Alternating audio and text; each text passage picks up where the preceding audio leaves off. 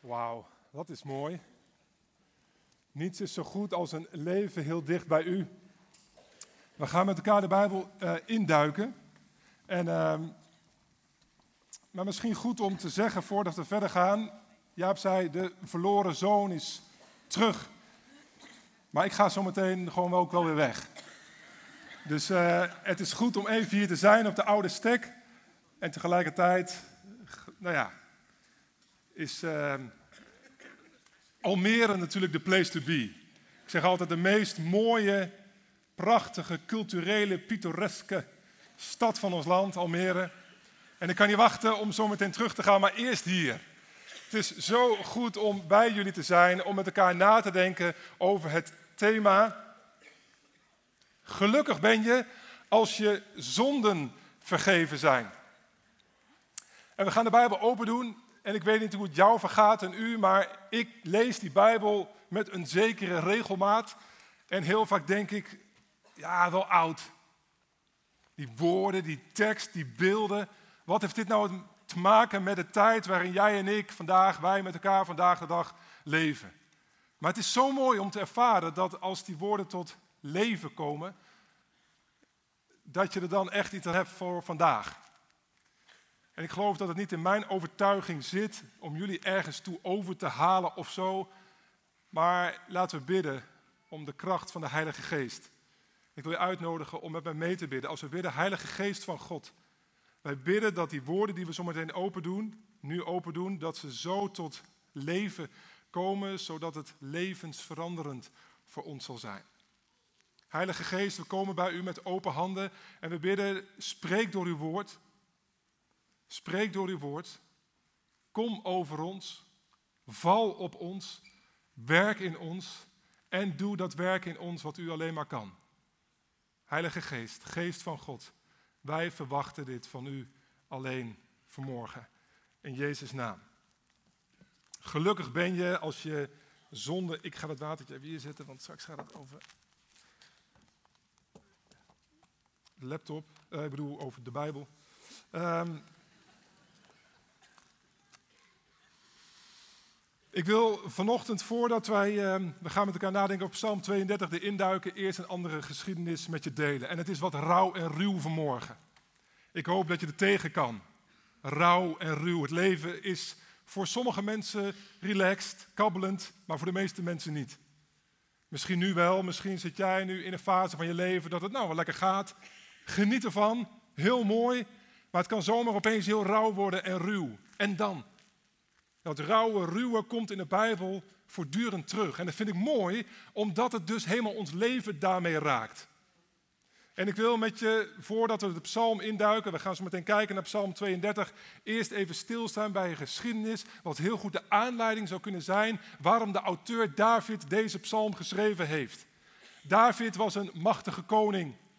David was daarnaast ook nog singer-songwriter, maar hij was vooral een koning met macht en autoriteit. En um, er komt veel op hem af.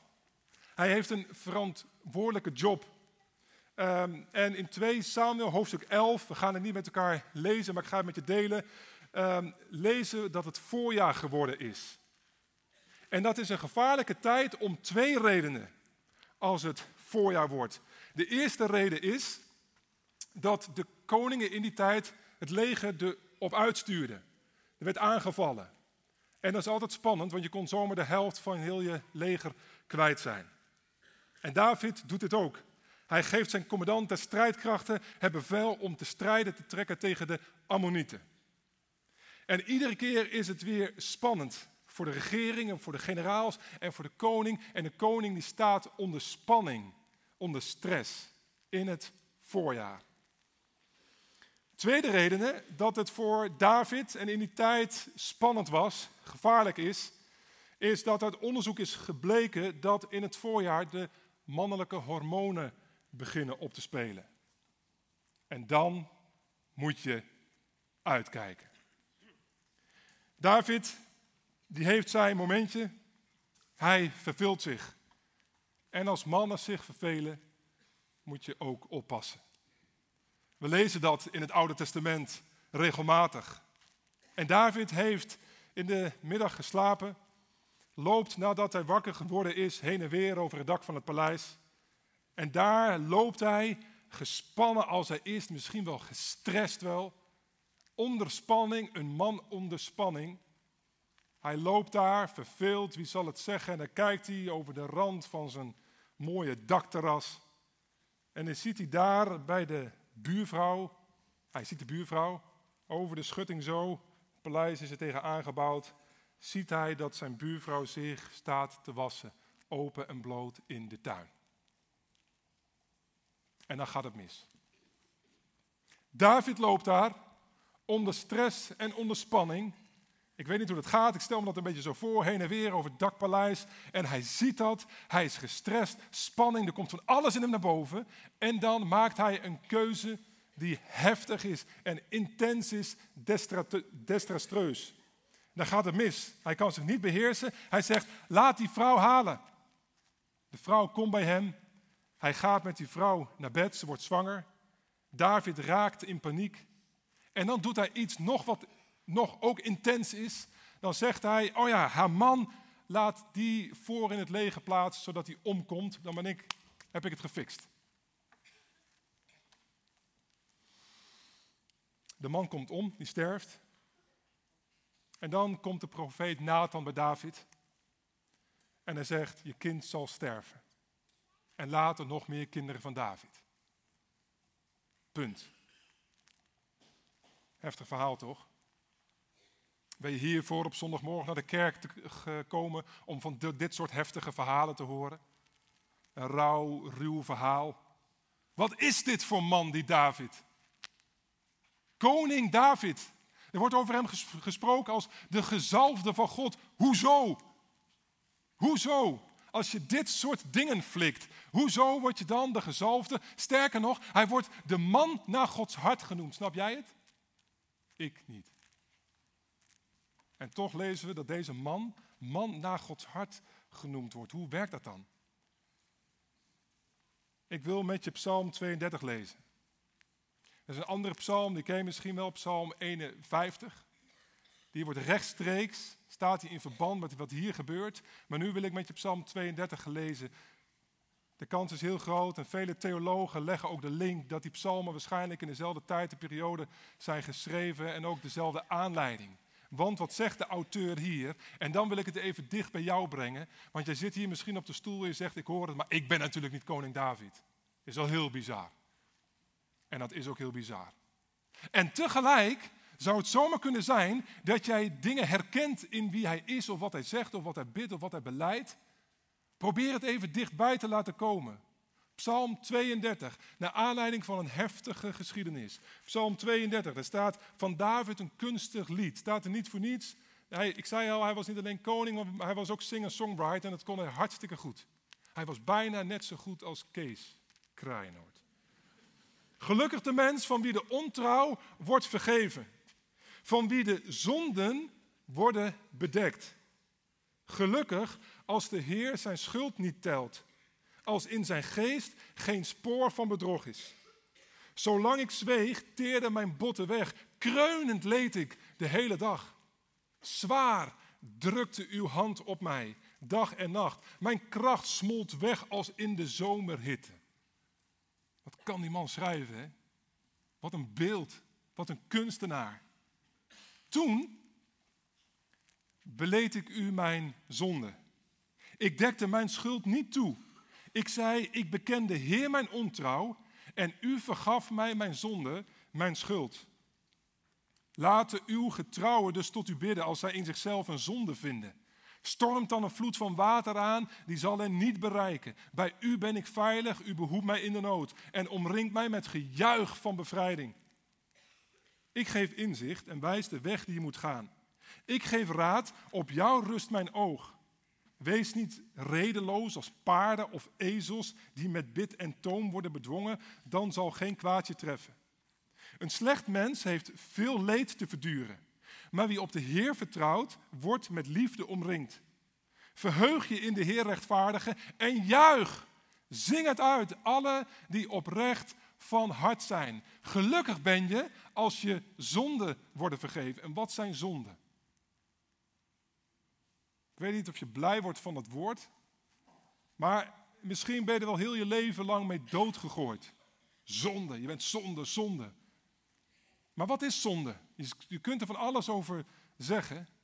Maar ik denk, zonde moet je altijd concreet maken. Dat is nooit een abstract begrip.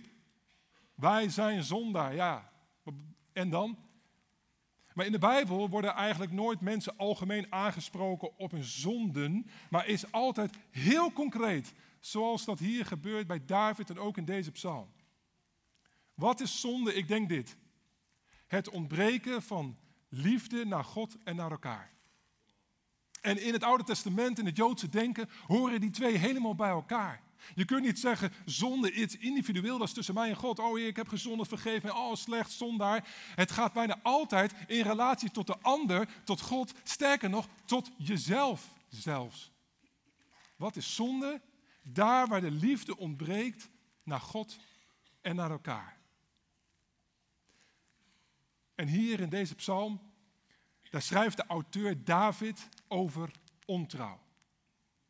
En we kennen elkaar niet allemaal. Hè? Ik weet niet hoe het in jouw leven is en die van u. Maar misschien zijn hier wel vanochtend mensen die weten wat dat is om ontrouw te zijn. Het kan zelfs zo zijn dat je naast je partner zit en dat je ontrouw bent. Niemand weet het, je leeft in een groot geheim. Je zit naast elkaar, je aanbidt de, de Heer, je houdt elkaar soms vast en je denkt, ze moest eens weten. Of misschien wel, hij moest eens weten. Kan zomaar zijn. Kan zomaar zijn dat je op allerlei verschillende gebieden ontrouw bent. En het kan zomaar zijn dat het al een tijdje aan de gang is. Ik weet het niet, hè. De Heilige Geest mag openbaring geven. Maar het kan zomaar zijn dat er ontrouw is, dat je ontrouw bent in relatie. En dat je zo in een isolement terechtgekomen bent. No way dat iemand het van jou weet. En wat doe je? Wat doe je als je je schuld en je schaamte wil toedekken? Eigenlijk hetzelfde als wat in het begin van de Bijbel gebeurt bij Adam en Eva. Zij leven naakt. Schaamte is er niet. Schuld is er niet. Dat is lekker. Gewoon een leven zonder schuld en zonder schaamte.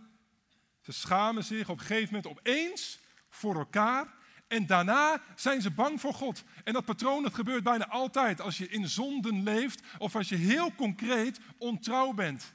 Dat klopt, want dan op dat moment ontbreekt de liefde naar God en naar elkaar. En het woord zegt dat angst het tegenovergestelde is van liefde. Dan zit je in een isolement en je wordt bang voor God en voor de ander. In Genesis 3 bij Adam en Eva zien we dat. Ze doen gelijk, als de zonde openbaar wordt in de verkeerde keuzes die ze hebben gemaakt, wat ze gelijk doen is twee dingen: verschuilen en bedekken.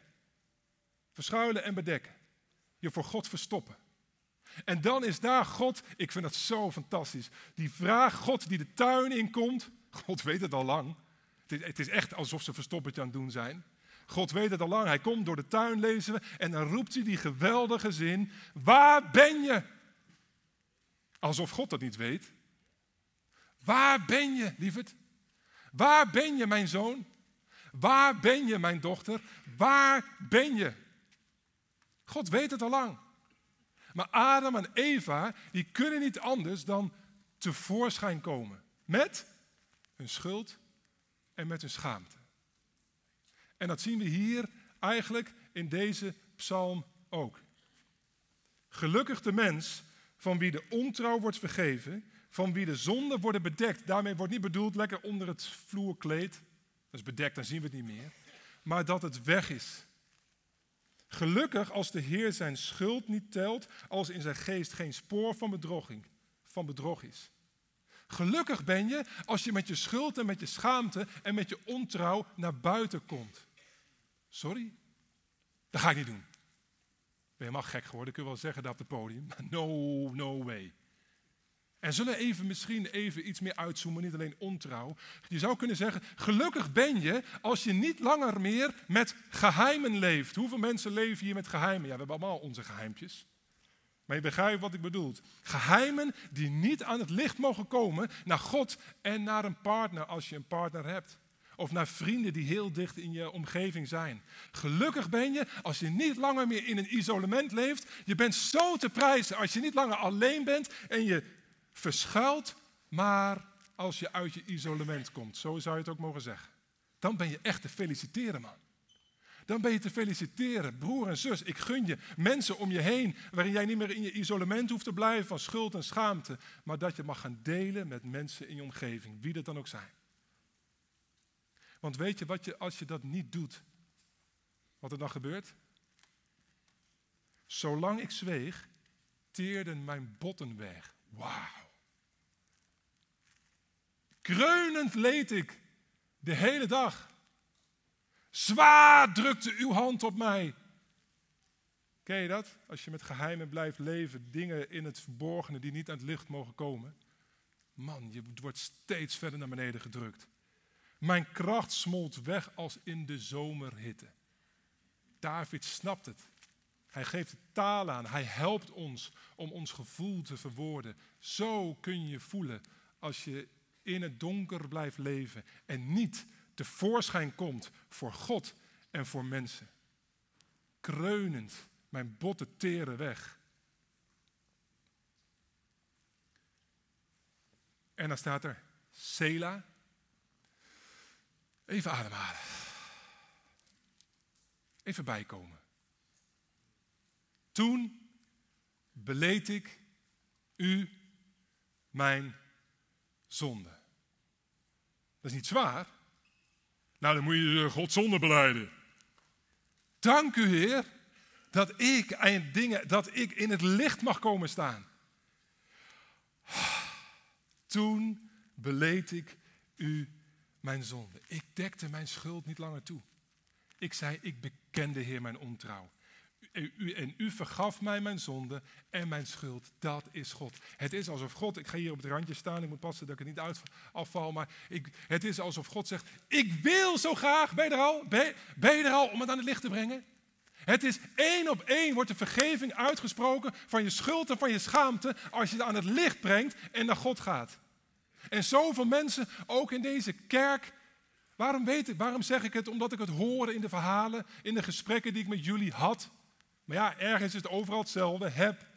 Dat mensen zo graag willen. Je zingt, dank u Heer, dank u voor uw kostbare bloed. En je gaat zitten en je weet helemaal niet wat het is om God te danken voor zijn kostbare bloed. Want je bent nooit tevoorschijn gekomen.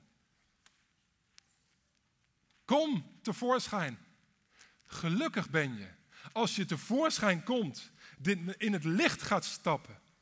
Je bent te feliciteren. God die staat te wachten. Hij is klaar om meteen daarover jouw vergeving te geven. Misschien ben jij dit. Misschien ben jij dit. Het verleden achtervolgt je. En het heden kwelt je. Er is iets wat je heel steeds wegdrukt. En wij hebben in ons denken, het westerse denken, vaak te zeggen: ja, maar ik druk, het, ik druk het weg. Ja, niet zozeer naar God, maar het is een eenheid. God, de ander en jezelf. En maar harder zingen. En maar harder roepen. En nog harder bidden. Maar echt tevoorschijn komen. Je verleden achtervolgt je. En je doet je best om het een beetje nou, religieus, christelijk te laten zijn en zo. En je zingt je liederen en af en toe lees je je Bijbel. Maar het verleden achtervolgt je. En het heden, vandaag de dag, kwelt je. En dan is daar God. En hij zegt in 1 Johannes 1, vers 9 en 10. Ik denk dat het wordt geprojecteerd. Als het goed is, beleiden we onze zonden dan zal Hij die trouw en rechtvaardig is onze zonde vergeven en ons reinigen van alle kwaad. Als we zeggen dat we nooit gezondigd hebben, maken we Hem tot een leugenaar en is, in zijn, woord niet, is zijn woord niet in ons. Dus nooit zeggen, ik heb geen zonde. Heel concreet, wat is dat? En ben je daarmee in het licht gestapt? Met je ouderwets gezegd, in het aangezicht van God. Heer, hier ben ik. Psalm 51. Dat is een psalm die David heeft geschreven na zijn rechtstreeks, na zijn enorme misstap met Bathsheba. Daar zegt hij, u wilt van mij geen offerdieren. In brandoffers schept u geen behagen. Het is alsof u nu zegt, u wilt van mij niet alleen maar de liederen. U wilt van mij niet dat ik nog harder mijn best ga doen in de kerk. U wilt van mij niet dat ik nog meer dit ga doen, nog meer Bijbelstudie. Het hoeft allemaal niet. Het offer voor God is een gebroken geest. Een gebroken en verbrijzeld hart zult u God niet verachten. Een gebroken geest. Een verbrijzeld hart. Niet de borst vooruit. Dat doen we vaak. Nog harder mijn best doen. Heer, het was echt uh, oh, ingewikkeld. En nee, het is niet goed geweest. En mijn ontrouw, ah, nou ja, ik ga het nou beter doen. Kom op! En je borst nog meer vooruit. Het is alsof David zegt, jongens, niet je borst vooruit, maar kleiner worden. Sorry zeggen tegen God. Sorry zeggen tegen de ander. Sorry zeggen tegen je kinderen. Sorry zeggen tegen je collega. Sorry zeggen tegen je goede vriend. Sorry zeggen misschien wel tegen die buurvrouw. Je hoeft niet te wachten totdat je uiteindelijk bij de rijdende rechter terechtkomt. Kun je gewoon zelf doen. Waarom? Waarom is dat nou zo moeilijk? Waarom is het moeilijk om een gebroken geest te hebben? Waarom is het zo moeilijk om sorry te zeggen? Ik dacht misschien hierom. Omdat je niet wilt verliezen. En omdat je misschien niet gekwetst wil worden. Je weet nooit hè, bij de ander wat er gebeurt. Maar opnieuw, jij bang vogeltje. Bange man, bange vrouw, jonge meisje, je kunt soms zo angstig zijn. Angst is het tegenovergestelde van liefde. Je mag klein worden. En dat is helemaal niet erg. Ik denk dat dit is wat David zegt in Psalm 32 en ook in 51. Klein worden voor God. Niet je borst vooruit doen naar God, maar knielen, buigen. Jezus, sorry. God, vergeef mij. Ik heb uw genade zo nodig. Klein worden en jezelf laten breken. Het is alsof dat is wat Jezus deed aan het kruis. Weet je wat ik zo fascinerend vind? Hij brak, hij gaf zijn leven voor ons. Er staat zo'n kruis, zo'n mooi symbool. Hé, maar het had niet gehoeven. Hè? Het had niet gehoeven. Waarom moest Jezus zichzelf breken, vernederen? Hoezo? Hij is God. Hij had zo kunnen doen en de boel was geregeld, toch? En toch koos hij ervoor om die weg te gaan. Misschien wel ergens ook om ons voor te gaan en het voor te doen. Te sterven aan een kruis. Compleet verlaten, nederig, klein, naakt. Onze Jezus gaat ons voor. En zover hoeven wij niet te gaan, want de, de schuld is betaald. We zijn verzoend. Die offerdieren gelukkig allemaal niet meer nodig, al die arme dieren. Het is niet meer nodig. Maar dit wel. Een gebroken geest en een gebroken en verbrijzeld hart. En weet je wat mooi is? Die drie woorden. Jij hoeft je borst vooruit niet te doen en nog harder te gaan rennen. Maar Jezus zegt, lieverd, het is volbracht. Het is volbracht. Het is genoeg. Ik heb je lief.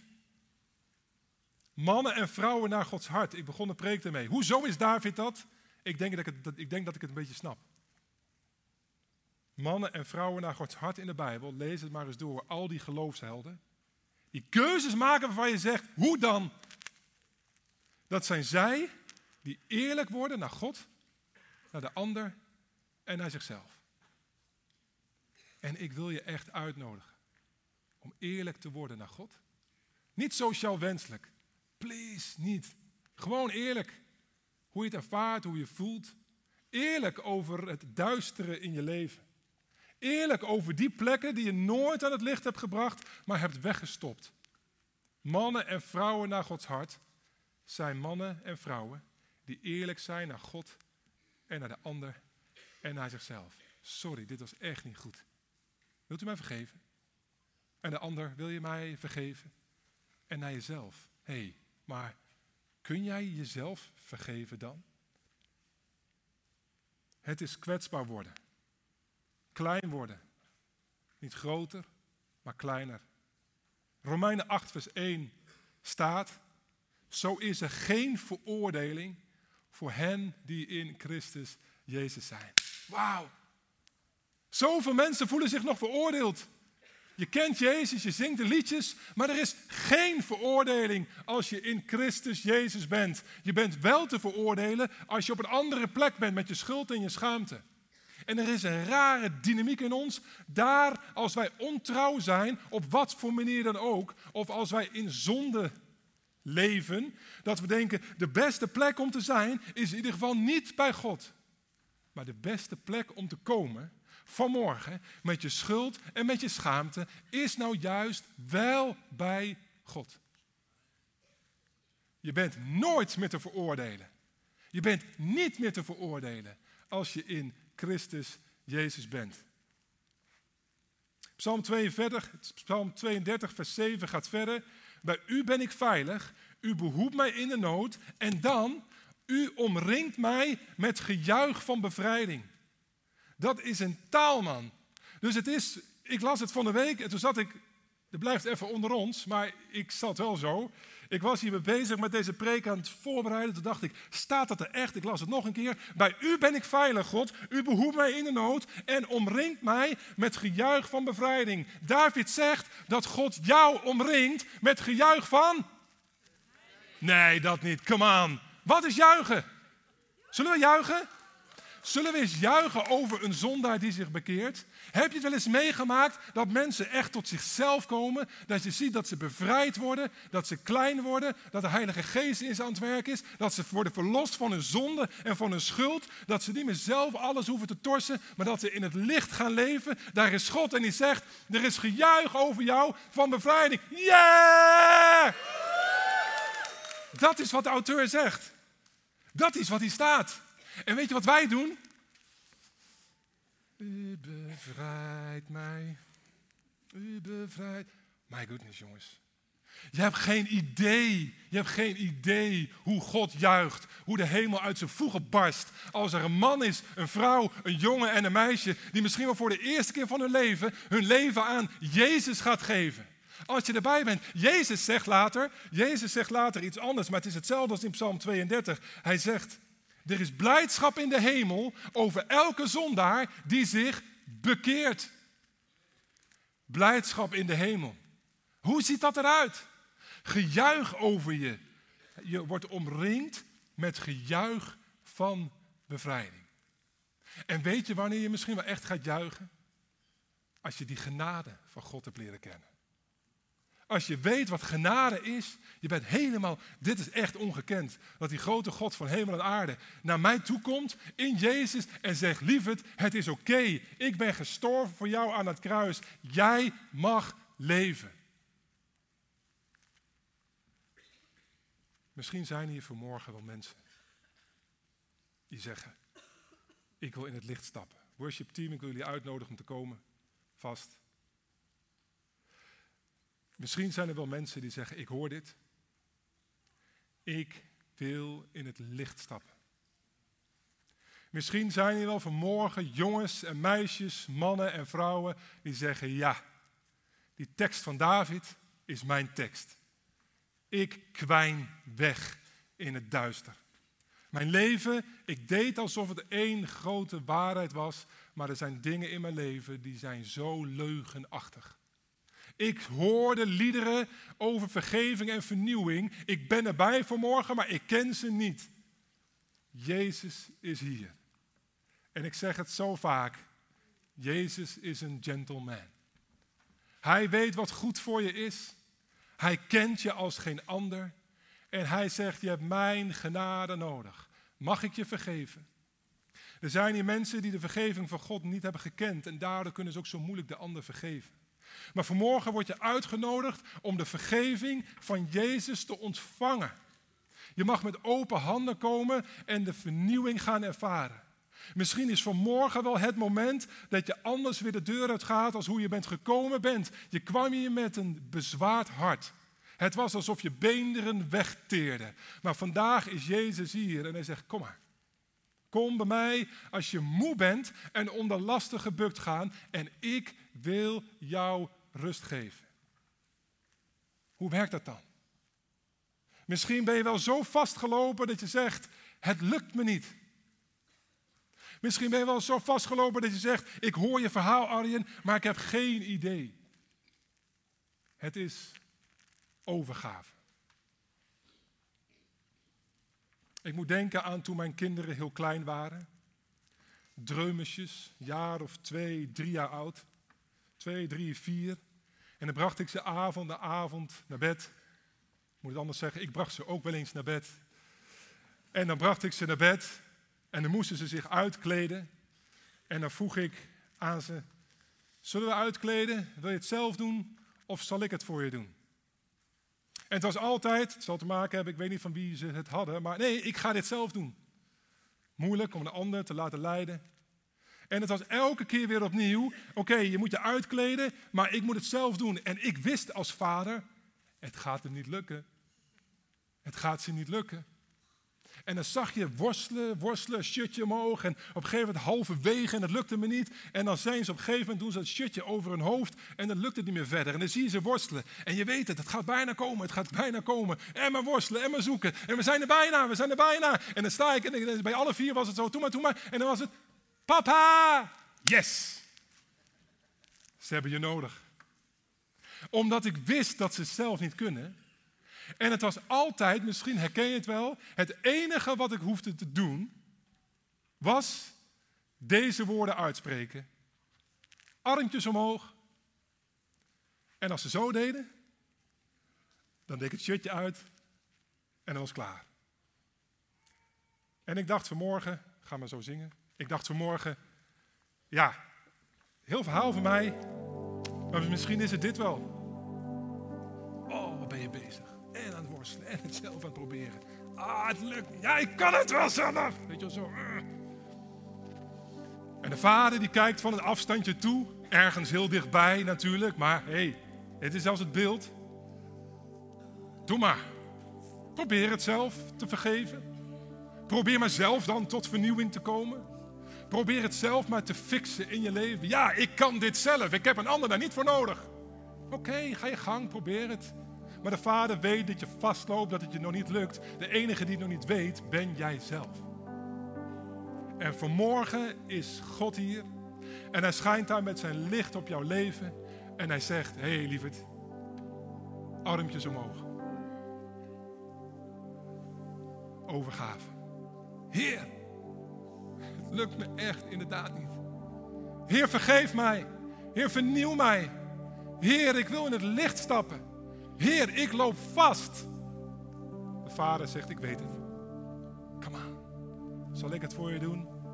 Hij doet je oude shirt uit. Hij trekt je oude kleden uit vanmorgen misschien wel. Hij zegt, ik weet het. Oh, nog één? Oh, zit dat er ook nog onder? Oh, wauw, nog meer? Helemaal tot je helemaal naakt bent voor God. Het enige wat je hoeft te doen armpjes omhoog. En de vader zegt, ik laat je niet zo. Maar ik bekleed je met nieuwe klederen. En dan komt er iets voor terug.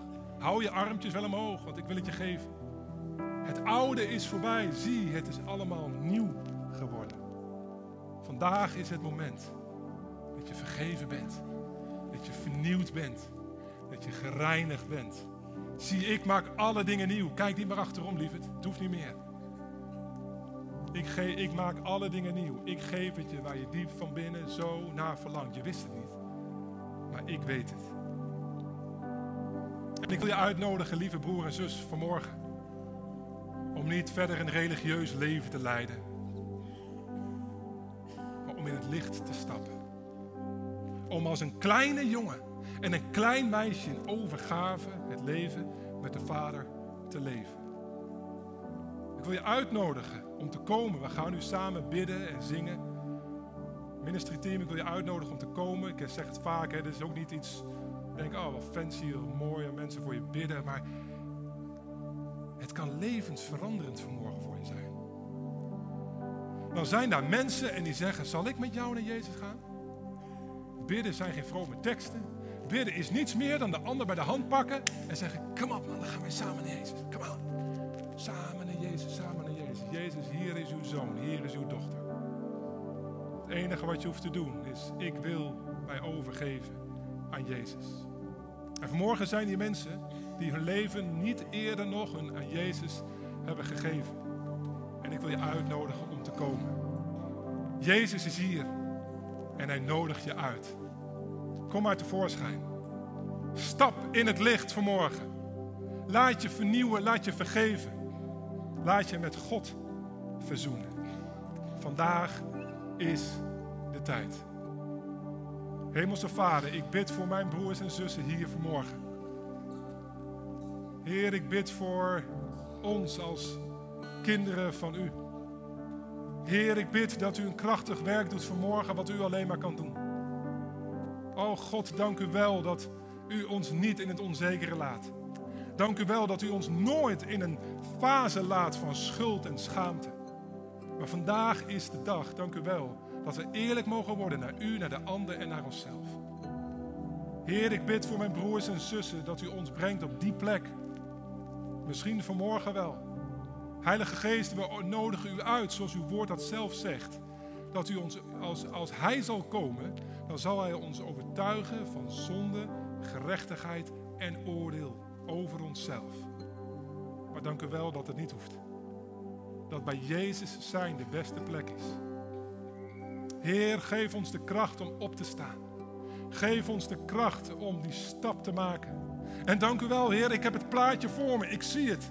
En kerk, ga eens mee in gedachten op dit moment naar de hemel. Als Jezus zegt dat er een ongekende blijdschap is, een ongekende blijdschap over een zoon en een dochter die zich bekeert. Bekeert is vernieuwd, omdraait, gaat omdenken, anders gaat denken. Heer, u geeft ons een kijkje in de hemel van die blijdschap. En wij willen mee vieren. Laat het samen vieren over de verloren zonen en dochters van God die vandaag thuiskomen. Amen.